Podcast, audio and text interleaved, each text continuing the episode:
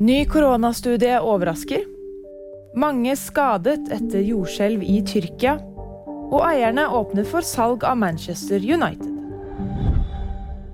En ny norsk studie viser at vaksiner gir dårlig beskyttelse mot langcovid. Det inkluderer senfølger som konsentrasjonsproblemer, utmattelse, tung pust eller endringer i smak og lukt. Veldig overraskende, sier en av forskerne til Aftenposten. Studien konkluderer likevel med at vaksine er veldig effektive mot alvorlig sykdom og sykehusinnleggelse, noe også mange andre studier har vist. Minst 22 personer er skadet etter at et jordskjelv rammet det nordvestlige Tyrkia onsdag morgen. Skjelvet hadde en styrke på 6,1 og kunne kjennes både i Istanbul og hovedstaden Ankara.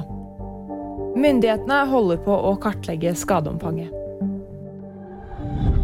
Glazer-familien, som er de nåværende eierne av Manchester United, sier at de godkjenner at styret ser på andre muligheter for klubben.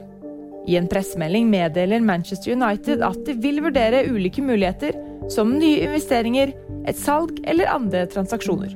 Fansen har gjennom flere år protestert mot Glazer-familien som eiere av Manchester United, bl.a. fordi de mener de investerer for lite i klubben. Og VG-nyheter fikk du av meg, Fride Ribø Lie.